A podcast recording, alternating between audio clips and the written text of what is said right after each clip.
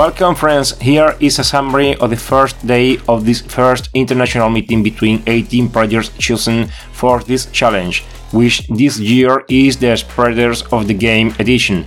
The first duels of this match have already taken place, all with a win or a loss, no draws, and all played in the last two weeks of January 2024.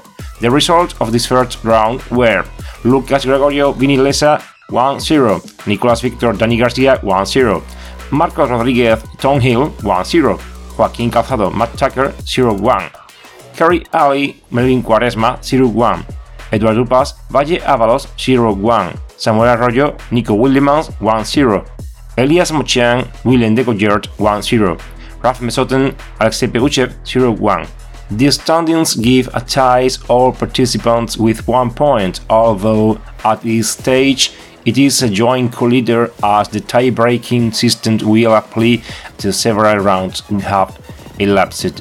However, as leaders and co-leaders are, after this first round, Pitufo, Gina Gina, Manarori, Mataker, Melvin, Valle, Samuel Arroyo, Elias Mochan, and Alexei.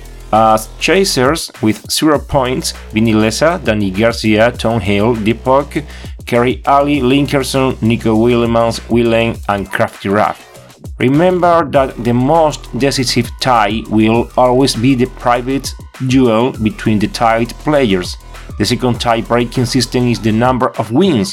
The third system is the Koya system, which means that a participant will be better placed than another if his results with the strongest players were better than those of the opponent which hung his unequal points in the final ranking. Mathematically, there will be a column for this criterion where only the points of those opponents who have obtained more than 50% of the total possible points of the tournament, example 8.5 points, will be added up. As a last resort in case of a tie in the three previous criteria, a duel will be played to the best of three games and with a tie break one obtains a better result.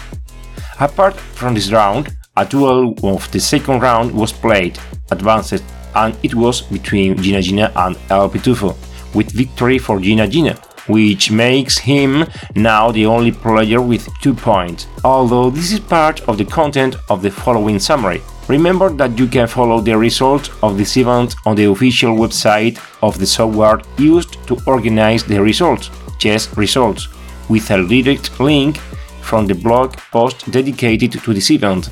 On that website, you can see the pairings for all the rounds of the round robin, the results, the standings, the crossings, etc. And inside the blog, in the post dedicated to this tournament, we will find links to the players, their duels, the global competition calendar, and the schedules uploaded for each round, whether or not there is streaming, etc. Even the podcast episodes, like this one, related to this competition. Both the Carcassonne Connection blog and the podcast as well as any informative event I do, I gather them on my website, elcarterodecarcassonne.com. This is Joaquin, the Carcassonne Postman, on social networks and Telegram and the blog on BGA. See you in the next episode.